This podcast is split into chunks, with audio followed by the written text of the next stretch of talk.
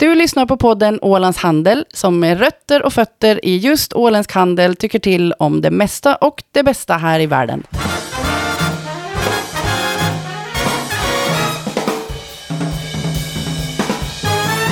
Och vi säger varmt välkomna till alla till denna sommarpodcast för Ålands Handels räkning. Alltså podden där vi pratar entreprenörskap, där vi pratar Åland, där vi pratar framtid, där det goda samtalet alltid ska råda. Och vi har naturligtvis alltid pratat för lite kultur. Och idag ska vi göra bot och bättring på det. Inte när det handlar om all kultur, utan framförallt när det handlar om konst. Jag som leder det här samtalet idag heter Jörgen Pettersson och ni är igen jättevälkomna för ni möter ingen mindre än professorn och en av de mest produktiva konstnärerna som Åland någonsin har levererat och kanske en av de främsta, rent av den allra främsta. Vi säger välkommen till Johan Skott. Tack. Tack. Kan man mäta konst? Går det till säga vem som är bäst? Nej, det går inte att säga. Det konst har flera olika sidor. Konst har dels det som man gör i ateljén och det som kommer till där, det arbetet. Men sen finns det ju en konstmarknad utanför det, en kommersiell konstmarknad. Och sen finns det ytterligare, vad ska säga, liksom en mer allmän konstvärld som eh, styrs av museer och konsthallar och så. Så det är tre dimensioner med en gång där? Det är tre dimensioner med en gång och det är och jag menar, det som där man sätter värde är ju, är ju på konstmarknaden. Så att säga, va? Och betydelse ska, sätter man i, i den allmänna museivärlden och utställningsvärlden, så att säga, på den offentliga. Så att man får bra betalt för sina konstverk behöver inte nödvändigtvis betyda att du är en väldigt skicklig konstnär? Nej, det behöver det inte betyda. Men sen ska jag nog säga också att de som får väldigt bra de, de verk som går för väldigt höga priser ska vi säga, på, på den internationella konstauktionsmarknaden, de är ofta väldigt bra. Det kan man nog säga. Det, men visst, det dyker ju upp sånt som bara är spekulationer också. Det här är egentligen ett fantastiskt samtal på många sätt eftersom Johan Skott kan sin konst.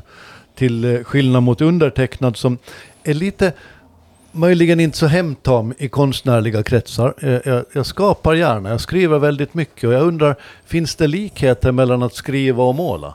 Absolut. Språket, som jag ser det, är ju ett sätt att benämna världen. Och eh, för att vi ska vara säkra på att någonting finns överhuvudtaget så använder vi språket. Och jag tänker på, det finns en eh, författare som heter Bruce Chatwin som skrev om aboriginers i Australien. Urinvånare. Ja. Om hur de går sina songlines. De går över kontinenten och sjunger och besjunger allt som de ser. Fåglar, stenar, träd, allting. De nämner allting. Och när han pratade med dem, intervjuade dem, så sa de ju om, om man inte benämner det så finns det inte. Så där är ju språket väldigt, väldigt viktigt. Så att säga. Och så, det är min syn på språket också. Och då kan jag säga att eh, det är likadant med bildkonsten. Så att säga. Om man inte visualiserar någonting så finns det inte helt enkelt. Du har, jag har sett dig beskriva konst som att man alltid börjar från ett tomt papper och när det är klart så hoppas man att det ska bli det bästa någonsin så att man äntligen kan sluta. Kanske lite yvigt eh, beskrivet, men ungefär så där var det. Och jag kan känna igen det ibland i, i att skriva. Ja. Att man tänker att det här måste i varje fall vara så bra att nu räcker det. Ja, nej men så är det. Det är ju någon, en längtan efter att eh, få göra den ultimata bilden. För mig handlar konsten om att lära mig om världen. För varje målning jag gör så försöker jag lära mig, se någonting kanske något som är synligt men oftast något som inte är synligt så att säga för, för direkt för ögat utan som bara mera är ett fenomen. Och då nej, ska jag ju vilja lära mig så mycket så att jag kan faktiskt säga att ja, nu vet jag. Nu kan jag detta. Ja, eller nu vet jag någonting om världen som gör att jag kan känna mig helt lugn här. Så att säga. Skälet till att du just nu råkar befinna dig i Mariehamn är, vi ska säga så här först, du är född på Åland. Du är född på Åland och du är härifrån. Är du ålänning tycker du? Ja, jag är född i Mariehamn. Jag är född, Ja. född i så här kvarteret, en bit härifrån. Jag växte upp här. Och jag tillbringar alla mina somrar, minst tre månader per sommar, i Gumlinge de sista 45 åren. Och du bor, men du bor i Stockholm? Jag har en adress och ateljé i Stockholm, men jag har ju också en adress och ateljé i Kumlinge. Ah, du är där också. Ja. Så att det, men eh, visst, våra barn har växt upp i Stockholm. Så där, så att det. Och nu är du aktuell faktiskt den här sommaren. Och det ska sägas, och det här är viktigt för det borde ni lägga på minnen. Ni borde nämligen bege er till Jomala bibliotek. Där en utställning nu för första gången sedan 2014 kommer att hänga. Eh, ända fram till 24 augusti så är det fritt fram att gå dit och titta. Då är frågan varför har det dröjt så länge innan du ställer ut på Åland? Alltså, ja. Dels har jag haft väldigt mycket att göra. Ja. Jag, jag har gjort många utställningar. Men eh, sen har jag faktiskt inte fått frågan. Och när jag fick frågan utav Mervi. Vid Appel. ja, just det. Så tänkte jag att ja, ja varför inte? Var det någon som sa åt mig, ja men det är litet där i Kumlinge, eller det är litet i Jomala bibliotek. Ja, men eh, vem är jag att säga nej om det är någon som är intresserad? Jag tycker det är helt fantastiskt rent ut sagt. Mm. Och jag tänkte första gången jag hörde det att hur ska detta gå till? Eftersom i den vardag som jag ofta befinner mig så finns så är på Ålands lagting och där finns det ståtliga konstverk av dig som heter nischer Mm. som hänger i vardera trapphus och det, det är rätt eh, imposanta må, eh, konstverk får man säga. Så hänger de där, det visste inte jag. De hänger i trapphusen på vardera sida på bästa plats och de är Okej. tillverkade av någonting som heter oxiderat bladsilver på masonit. Ja, Och, och nu tänkte jag att du kanske skulle kunna förklara hur det går till. alltså de där gjorde jag som student på Konsthögskolan. Ja, är de så pass? De är så Till åren. Ja, de är så till åren och, och jag, ju, jag har inte sett dem på 30 år. Men, Är det sant? och eh, nej, men det var det man lägger alltså att eh, byggde en form och, eller en, eh, en platta som jag stadgade upp och sen så satte jag sätter man bladsilver på den, lägger liksom silver över alltihopa. Och så oxiderar man det med svavel. Eller jag hade ju ristat in ett mönster sådär som oxiderades. Så att säga. Det finns ett citat på din hemsida som Ja. är på engelska men fritt översatt till svenskan. Så föreställer jag mig att det här rätt väl eh, definierar just de målningarna.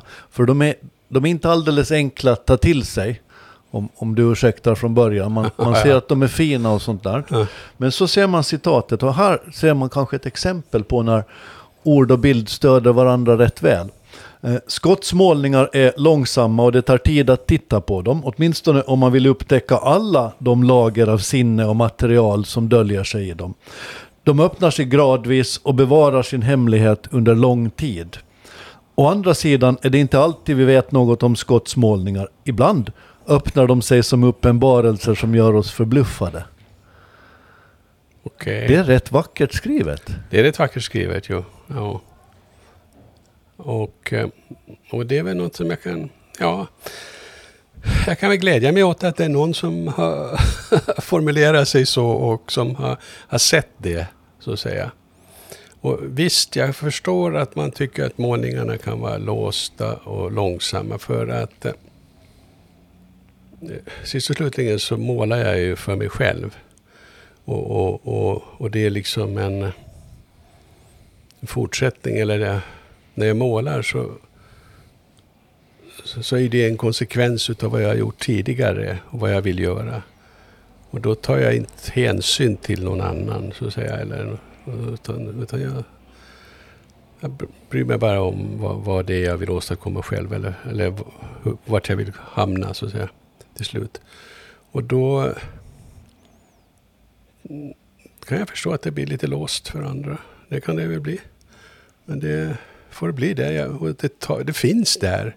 Jag menar, jag, när jag målar så brukar jag säga att jag vet att jag är klar när jag övergår till att, att eh, sänka handen och sätta mig ner och bli betraktare och bara titta på verket. Det där var väldigt bra sagt, för jag tänkte ställa frågan, hur vet du när du är färdig? Ja, det är precis så det går till. Så att säga. Jag blir sittande och så sitter jag där och tittar ett par timmar kanske. Och, och, och förmår... Och, ja, ser olika saker.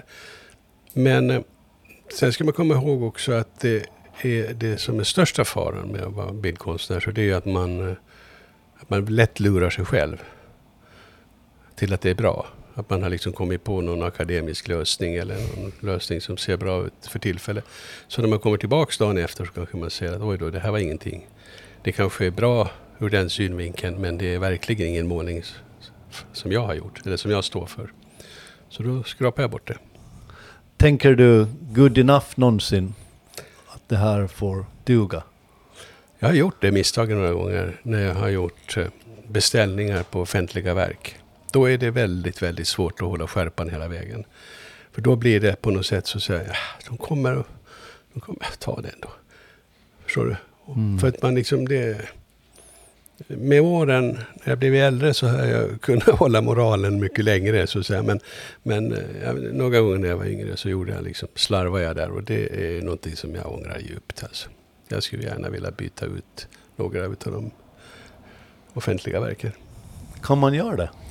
Nej. Jag menar inte i praktiken utan jag menar i teorin. Kan man göra våld på sig själv? För du var ju, det var ju den du var då. Ja, det kan jag absolut göra. Alltså får jag tillbaka en målning eh, i ateljén som kanske har varit ute någonstans eller sådär, så då kan jag måla om den. Det, kan, det gör jag. Ja, det händer hela tiden. Det är ingen fara. Men, men är det någon annan ägare så kan jag ju inte gå in och göra det. Inte. Som, som skribent så tycker jag att man nu och då ser texter som är, har, har fått då några år på nacken som man tänker att oh, hjälp, det där, det där hade nog varit bättre oskrivet. Tänker man någonsin så som konstnär? Ja, absolut. absolut. Jag menar, jag har ju, jag har gjort väldigt, väldigt många målningar och det är många, många som inte är bra. Även, jag menar, även sådana som har blivit så att säga, utvalda och köpta utav prominenta personer, kännare och så, kan jag tänka att off, det var väldigt, väldigt dumt köp. Men å andra sidan så har jag också varit, gjort saker och ting som har varit på en... Någon gång gjort en, en där jag tänkt att... Eh, blivit lite irriterad till exempel på Moderna Museet i Stockholm för att de kom väldigt sent till utställningen.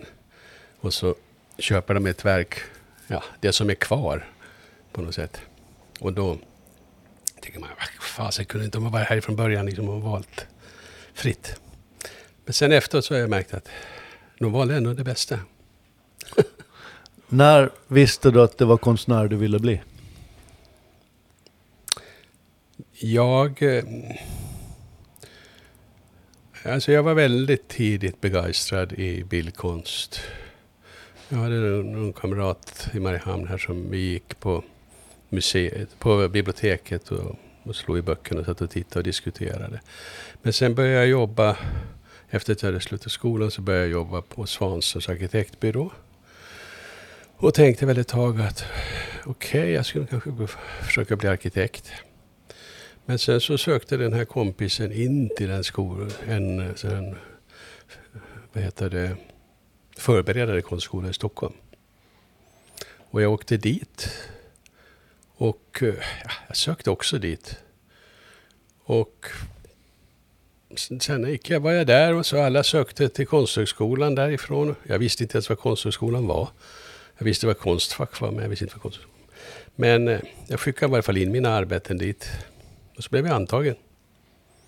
Och det var väl då jag fattade att efter att okej, okay, nu är jag här och så blev jag fast där. Minns du den första målning du har sålt? Ja, det gör jag faktiskt. Det, det minns jag faktiskt. Och den, den såldes till en, en dam här i Mariehamn. En ganska stor målning, en föreställande målning. Jag minns den faktiskt. Finns den kvar ännu? Har du varit och sett den? Nej, nej jag har ingen kontakt med, med henne. Men uh, jag har inte sett den någon annanstans. Så jag antar att den finns kvar. Underbart. Ja. Att du skulle bli professor vid samma skola sen senare då? Det, kom det som en blixt från, från det blå eller? Jag tänkte säga, professor blir man till slut. det är liksom, det är den vägen det går. Nej, men det var väl någon... Eh, jag, båda mina professurer så har jag blivit kallad till, eller ombedd att... Den första blev jag ombedd att söka och den andra blev jag helt kallad till, så att säga. Det var till Stockholms konstnärliga högskola. Ja, den första var till Konsthögskolan. Jaha, precis. Ja, ja. Ja, Mm. Vilket är bäst? Du har ju liksom haft olika karriärer. Du har dels haft den administrativa då, om man säger, och sen den konstnärliga. Var, var är du helst? Alltså jag trivdes väldigt väl som, eh, som lärare. Det var faktiskt väldigt roligt. Ända tills kanske, jag var i tio år på Konsthögskolan. Ända tills det sista året då kände jag att nu har nog studenterna sprungit ifrån mig. Jag börjar bli lite för gammal, för, eller liksom odaterad i mina värderingar. Så att det blev... Så det var dags att sluta. Och sen är den andra tjänsten, så den var ju mera... På Stockholms konstnärliga högskola så var jag också prorektor. Och sen med, sedan med vice rektor. Och då, där undervisade jag inte. Jag hade ju bara några föreläsningar, men jag var ju... Det var ju liksom sådana konstformer som inte jag egentligen kunde. Utan, men jag ledde scenkonstinstitutioner åt år. Och faktiskt också lite skådespeleriinstitutioner. Jag var prefekt där under ett halvår. Fast jag inte har någon som helst erfarenhet och kunskap om det. Men det var som någon... En teaterregissör kom och frågade mig vid en tillställning. Lite sådär... Ja, han var lite säkert halvberusad och lite aggressivt sådär. Och frågade sig, vad, vad tror du, vad fan tror du att du kan bidra med inom teater? Och då svarade jag honom, ja, alltså jag, jag är en väldigt bra byråkrat. Och det var det jag var där helt enkelt. Jag var liksom... Ja, ja, la upp Gick det vägen? Förstod han? Jo, han förstod, han förstod, han blev tyst. Han förstod alltså att, att man också inom, alltså inom högskolan så behöver man någon form av byråkrater och sådär. Och, och helst vill man ju ha då en byråkrat som på något sätt har en konstnärlig bakgrund och en syn som kan förstå processerna. Sådär. Många av de främsta skribenterna så brukar man säga att det är sådana som är egentligen inte så målande, egentligen inte jättekreativa, men alltid arbetsamma och strävsamma. Hur, hur är du som konstnär? Hör du till de som gör klart innan du börjar på nästa? Ja, jag... Eh, på något sätt jag arbetar väldigt mycket. Och jag är väldigt noggrann. Jag är väldigt omsorgsfull. Jag har någon gång slarvat och, då, och det har jag ångrat djupt så att säga. Så att nu för tiden så är jag nog oerhört omsorgsfull. Och uh, blir det inte som jag vill att det ska vara så då får det vara helt enkelt. Alltså, jag försöker nog låta bli att kompromissa. Du nämnde tidigare att när du var yngre så var det lättare att slarva. Är det, är det ålderns uh, goda sidor, att man kanske blir tålmodigare? Det är nog erfarenheten så att säga. Va? Mm. Att man blir mer erfaren. Men det är också för att man åker på blåsningar så att, säga, att man märker att... Eh, jag menar jag... Min eh, konstnärliga karriär startade ju under 80-talet. Mm. Och jag vet inte om du känner till hur det var på 80-talet inom konstvärlden. Framförallt i USA och Europa. Och också i Sverige. Det var helt hysteriskt. Man gjorde två utställningar per år. Och det var kö dagen före utställningen öppnade utanför. Och allting såldes innan vernissagen. Det var liksom helt... Vad berodde det på? Ja, jag vet inte. Människor var helt som galna alltså, faktiskt. Det köptes jättemycket. Alltså. Det, människor, människor, det bildades för, företag som eh, lånade pengar för att investera i konst. För att man trodde att konsten ständigt skulle gå uppåt. Så att säga. De galna åren, det där sammanföll väl lite med börsbubblor och saker. Ja. Ser man samma sak idag? Ser man att när inflationen stiger och börserna rasar, eller rusar, så då är det fart på konstmarknaden? Alltså det är ganska bra fart, men det är inte lika hysteriskt som det var då. Faktiskt, det är det inte. För då var det helt sådär och då blev det ju, då är det lätt att dras med i det så att säga. Sådär, att man inte kanske har koll på allting riktigt. Och då, sen efter så märker man, oj då, det där, det där borde jag ju inte ha sålt. Eller det borde jag inte ha gjort. Den som nu till äventyrs lyssnar på oss och själv skulle vilja bli konstnär. Hur, hur ska man gå tillväga? Måste man ha anlaget? Kan man träna sig till det? Finns där en framtid? Vart, till vilken skola styr man? Man ska nog, om man börjar alldeles från början så bör man ju gå en förberedande konstskola. Och sen så måste man söka sig till någon av de konstnärliga högskolorna. Då. Antingen, och idag kan man ju söka vart som helst i Europa så att säga.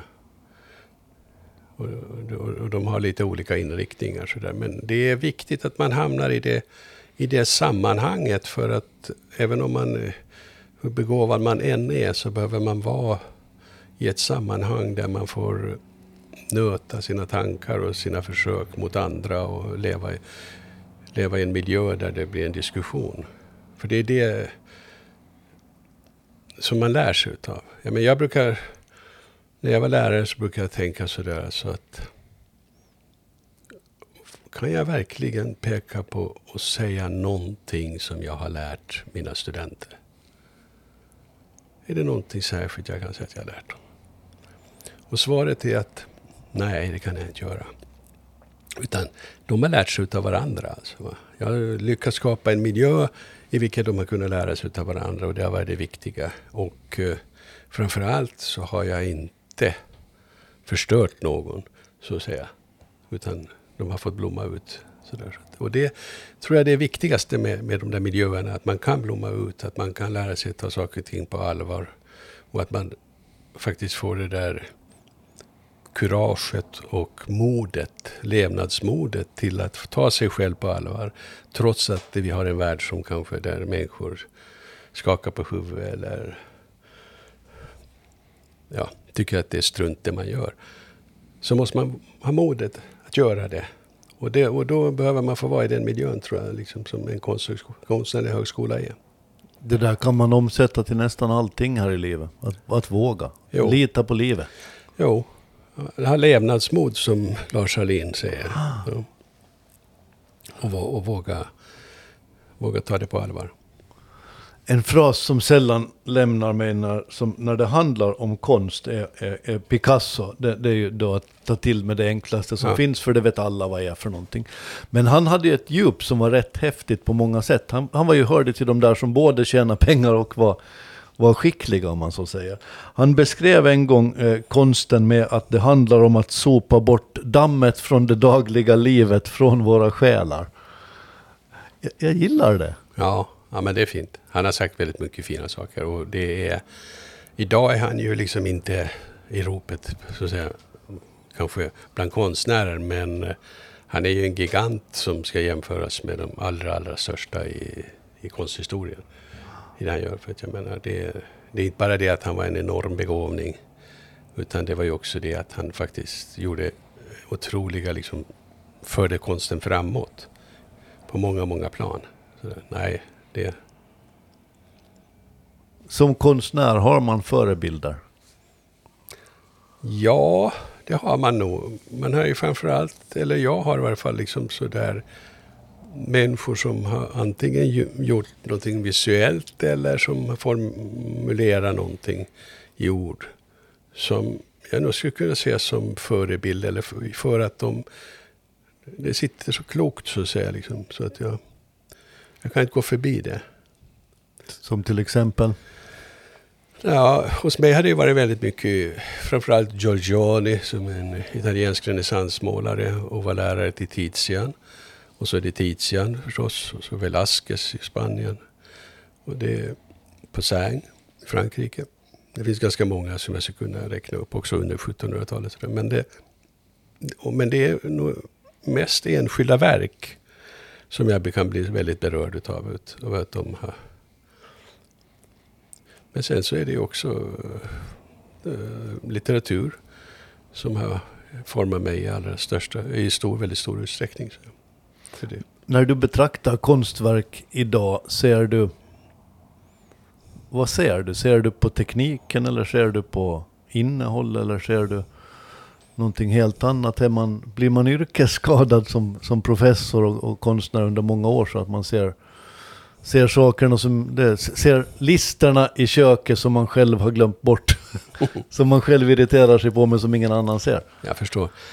Jag förstår. Men, men nej, jag skulle säga att det är nog en kombination utav vad jag ser, alltså rent visuellt, och hur eh, vederbörande har löst det. Så att säga, hur den har kommit fram till, hur den har kommit till den lösningen. Att det ska finnas någon form utav, eh,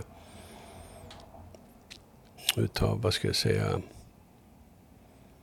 ja, någon sorts klarsyn där som gör alltså att wow, här sitter det precis så där skulle det vara gjort. Va? Jag menar, en, en målare som jag beundrar väldigt mycket är Edvard Munch, den norska målaren. Och han, han har ofta lösningar som är väldigt egensinniga men som sitter perfekt. Så att säga. Var inte Munch skriet? Jo. Oh världens mest berömda målning? Är det inte nästan det nej, efter? Nej, det är det nog inte. Alltså, vi, jag har trott det. Jo, det är i Norden och kanske i Nordamerika är den väldigt okay. känd. Men jag tror inte att den är så känd i Spanien. I Sydamerika eller Aha, okay. i Kina eller så. Det finns nog andra verk som är mer betydelsefulla. Man blir ju lätt sån som ålänning. Man tänker att det som är känt här så är antagligen... Eh, Man kan bli, någonting kan bli världsberömt på Åland, ja det är sant. Det händer ofta. I skottsmåleri är pendlingen mellan olika positioner väsentlig. Det beräknande står mot det intuitiva, historia står mot samtid. Inbjudande, publikfriande skönhet står mot en bortvänd eller till och med trulig autonomi. Det, det där är ju egen sinne det. Ja, det kan man kanske jo, det kan man väl säga att det är någon form av egensinne. Men det är ju... Och det... Eh, jag förstår varför han formulerar sig på det här sättet. För att det är... I, i, när jag arbetar så är det väldigt mycket analysarbete i, först, i, i det första steget. Så att säga. Eller kanske de tre första stegen. Så där och en rent intellektuell analys, bildanalys. Och sen när jag väl har satt igång så blir jag ganska förlorad i det där så att jag liksom mer eller mindre tappar kontrollen. Och, och som man brukar säga då, målningen tar över. Målningen bestämmer själv vad som ska ske och vad jag ska göra. Jag kan ju visserligen efter känna igen mina handrörelser och varför jag varit där och petat och sådär. Men, men det är ändå, ändå ett tillstånd som jag liksom är väldigt koncentrerad men samtidigt lite omedveten nästan så vad jag gör. Du, du är högerhänt? Ja, fast jag är ganska lika på båda. Du är det? Ja. Jag trodde att konstnärer var över, vänsterhänta var överrepresenterade som konstnärer. Nej, det tror jag inte. Det vet jag inte. Det är en myt. Det är nog bara en myt. Det finns mycket myter om konstnärer. Det var någon som sa också att vänsterhänta överrepresenterade som fotbollsmålvakter. okay. men, men det kan vara en sån här åländsk eh, berömmelse. Nej, men det kan ju vara en myt som kommer sig utav att eh, som fotbollsmakt så måste det vara väldigt praktiskt om man är vänsterhänt. För att som vänsterhänt, var det för tidigare, så tvingades man ändå använda höger hand. Ja. Så att man blir ju liksom har ju mycket större omfång så att säga, som man kan ta in. Gick du lyceet? Nej. Du gjorde inte? Nej, jag gick i folkskolan. Okej. Okay. Min pappa var en sån som lärde sig, han var vänsterhänt från början men fick stryk om han skrev med, höger, med vänstern i skolan. Okay, ja, just, det är rätt hårt. Det var hårt, ja. Nej, jag är... Eh, när jag var, gick i femte klassen, eller var det fjärde, femte, femte som man skulle välja, så valde jag helt enkelt att inte gå till Luceat. För att eh, ja, mina kompisar var liksom kvar på folkskolan. Så det var inte en eh, protest mot Lycée att du redan då visste att du ville betrakta världen på ett annat sätt än andra, eller? Jag var ganska strulig. Ja. Så, där, så att jag var väl... Eh, det var liksom det gänget som jag ville vara med. Som gick i folkskolan och så. Har du någonsin ångrat ditt karriärval? Har du någon gång tänkt att fan, nu hade det varit fint om man hade kört tåg eller någonting? Nej, inte kört tåg. Men jag har nog tänkt att eh,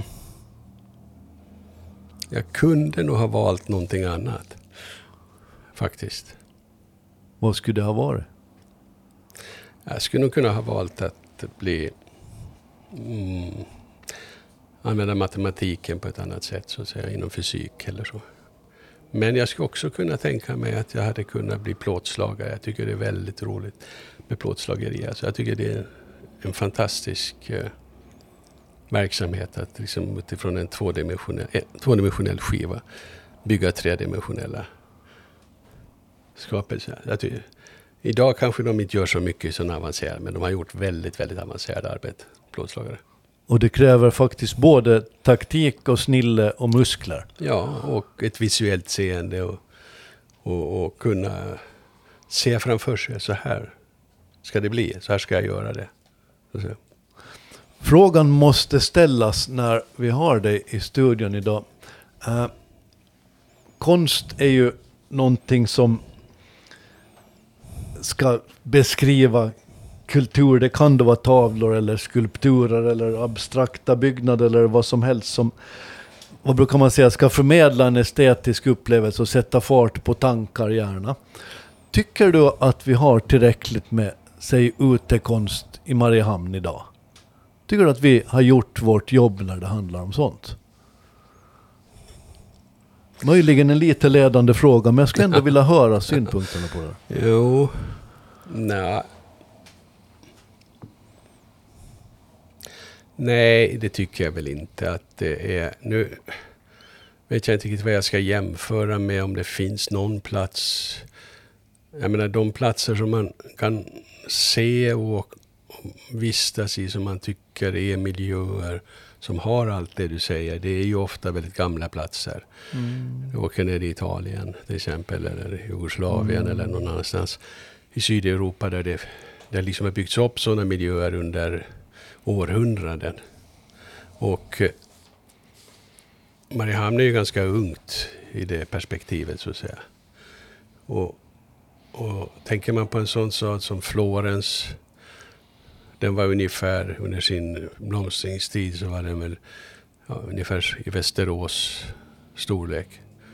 Och man byggde eh, 15-16 stora kyrkor, katedraler. Alla var fulla av konst och skulpturer. För att man hade de här skråerna som, som tävlade mot varandra. Ylleskrået mot sidenskrået. Och ville bräcka varandra. Så. Och i Mariehamn har vi väl inte alls haft den, de förutsättningarna, så att säga. Att det är någon som faktiskt ville skapa eller donera någonting. Det fanns ju, har funnits några, men det är väldigt lite så att säga som, som det görs. Och det kan jag tycka att det är synd. För det kunde ju gått och det hade ju liksom givit Mariehamn någonting annat. En, en en stad som har en väldigt stark kulturell identitet så får ju också en, eh, en styrka. Det är någonting som man liksom kan identifiera sig med och trivas med. Och jag menar, tänker bara på liksom det, när jag var ung och bodde här. Då tyckte man att Julius Sumlum-skulpturen var viktig, bara för att det var en skulptur. Idag kan jag ju säga att den är, är ju tämligen dålig som skulptur. Men, men bara för att den stod där och var gjord i brons så blev den på något sätt viktig för mig, för mig som ung i Mariehamn. Och jag kommer ihåg också när den där mannen vid ratten kom där nere. När, jag tror det var Mattias Eriksson som mm. donerade den. Så tyckte jag också att det var häftigt att, det, att man gjorde det. Att det var någon som gjorde det. Jag ställer mest frågan för jag har haft förmånen att vara i Torshamn på Färöarna ett flertal, flertal gånger. Där, ja. där har man gått in för sån här beskrivande konst. Alltså utanför simhallen så har man en fantastisk staty på en människa som hoppar i havet. I vattnet. Där, där kroppen under ytan är jättestor och den ovanför ytan är jätteliten för att visa perspektivet. Ja. Sånt tycker jag att jag saknar i Mariehamn. Vi har mycket minnen och sånt här och sånt som inte egentligen beskriver så mycket. Ja. Nej men det håller jag med om. Alltså, det kunde finnas mycket mera. Man kunde ju tänka sig att, eh, att de som har haft möjligheten och förmånen att förtjäna väldigt mycket pengar kunde, kunde hjälpa till. På något sätt. Och sen är det, när man bygger offentliga byggnader idag finns ju den så kallade 1%-regeln. Ja, Som är rätt bra, för den, den, den gör det att man, man måste tänka på, på mer än bara ingenjörskonsten. jo. Men, eh, men där är det också så att säga att det, det är väldigt viktigt att det integreras i själva byggnaden. Då Det på något sätt va. och, det, och det, som jag sa tidigare, det där är nog lite, det är lite problem med de där beställningsverken. Så att säga. Jag har gjort en, en jag har gjort nog ganska många utsmyckningar, men jag har gjort en som jag tycker är väl, som jag är väldigt, väldigt nöjd med. Och det var en, jag gjorde en stor målning som är 5 gånger 8 meter stor. Och, och den visades på några ställen i Helsingfors och i Stockholm. Och sen så plötsligt en dag så ringer det någon och säger, från Stockholms läns landsting och säger att vi vill köpa den här målningen till Nya Karolinska. Mm. Och tänker jag, wow. Perfekt. Och de hade en vägg som var precis perfekt för den. Alltså. Och den sitter där som ett smäck. Och det, det är liksom de förutsättningarna som man kanske vill ha. Att man har en verk som man är väldigt glad över och väldigt nöjd med. Och så är det någon som ser det och hittar en rätt plats på det så att säga. Och så blir det en offentlig utsmyckning på det sättet. Den där frågan, du läste mina tankar där, för du, du har ställt ut i Tavastehus konstmuseum, Konstforum, Norrkö, Norrköping, Södertälje, Konsthall, Botkyrka, det, det Moderna Museet, det, det är en nästan oändlig rad. Och då tänkte jag fråga vilken du var mest nöjd med, men det verkar jag ha fått svaret på. Ja, det där var ju en utsmyckning, så det var kanske den, eh, eller blev en utsmyckning. Ja. Som utställning så är jag nog kanske mest nöjd med den som jag gjorde i på Amos Andersson, kanske. Ja. Den, var, den blev väldigt fin, ja. ja. Då fick du själv sätta Ja, ja. Jag gjorde hela, häng- hängde hela utställningen. Jag hade en, eh, en soloutställning där. Just det. Hela gamla Amos. Du har också fått ett antal priser, stipendier som tredje priset från Carnegie Art Award, Marcus Collins pris, Svenska litteratursällskapet i Finland och sånt här. Eh, alla de där är, är, noterar jag nog ett tag sedan, för sen har du varit professor och du har varit lärare och du har varit allt möjligt. Har du hungern kvar? Jag har ju hungern kvar. Alltså de där eh, priser får man och utmärkelser får man när man är ung och lovande. Okej, inte sen längre, för då anses det man inte behöva det, eller? Nej, nej, men så det ju, kommer ju andra som ska ha det. Så att säga, så där, så det, eh, och, eh, och det är ju så också att man har man liksom en, en tjänst, en professorstjänst, så är det ingen som vill tilldela en exakt. extra. För det, då har man det där. Jo, jag har hungern kvar. Nu är jag ju tillbaka i ateljén igen sedan ett år. Mm. Och eh, jag tycker att det är väldigt, väldigt roligt.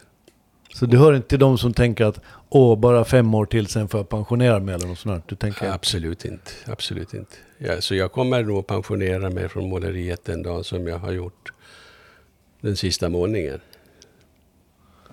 Fantastiskt. Otroligt att prata med dig. Och till alla som lyssnar så vill vi påminna om igen att gå och se Johan Skotts eh, vernissage på Jomala bibliotek.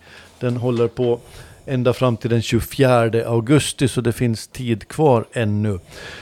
Vi har pratat om konst, vi har pratat om Johan skott, vi har pratat om Åland. Ni har lyssnat på Ålands handelspodd som finns på Spotify och på alla andra möjliga ställen.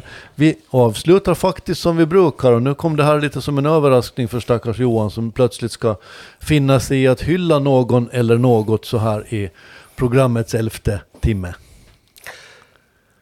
Jag kan säga utan tvekan att den som jag skulle vilja, vilja hylla och den som kanske har betytt absolut mest för mig, så det är den danska författarinnan och poeten Inger Christensen. Det är den människa som har gjort de absolut klokaste formuleringar. Både om vad det gäller konstformen, både om att skriva och både om att vara, och att vara människa. Är det någon du känner så här som du, eller du Nej. bara läst henne? Jag bara, hon, är ju, hon är död nu. Ja. Så säga. Men, och, och jag, jag kan säga att det är väl det största missen som Nobelkommittén har gjort, att de inte har givit henne Nobelpriset. För att hon är helt... Hon, hon var helt makalös. Ord och inga visor, perfekt som ska komma från en konstnär så här i slutet. För egen del så tänker jag hylla, det kan möjligen vara en favorit i repris, för det brukar alltid komma den här tiden på året, men jag vill hylla fäktargubben. Den där snubben som vevar på i alla sammanhang och som aldrig ger sig. Och jag tror att du bär en del i det här Johan, eftersom du är en sån här fäktargubbe som bestämmer dig för att fortsätta köra på andra till förnöjelse och för att man själv har kraften och orken där till. Ungefär som man ska uppträda som människa. En dag i taget, ett steg i sänder. Mm. Tack. Tack, ha en fantastisk sommar på Kumlinge och framförallt fortsätt skapa. Och tack till alla för att ni har lyssnat. Jag heter Jörgen Pettersson och ni har lyssnat på Ålands Handelspodd. Nu har du lyssnat så här långt, så nu kan du ge oss en liten stund till tycker vi. Du kan gå in på Spotify och prenumerera på podden Ålands Handel. Eller på Podcaster, där kan du göra samma sak. Där kan du också ge oss betyg och skriva recensioner, det tycker vi om. Och sen kan du förstås gå in och titta på vår hemsida ålandshandel.ax. Och så hörs vi nästa vecka.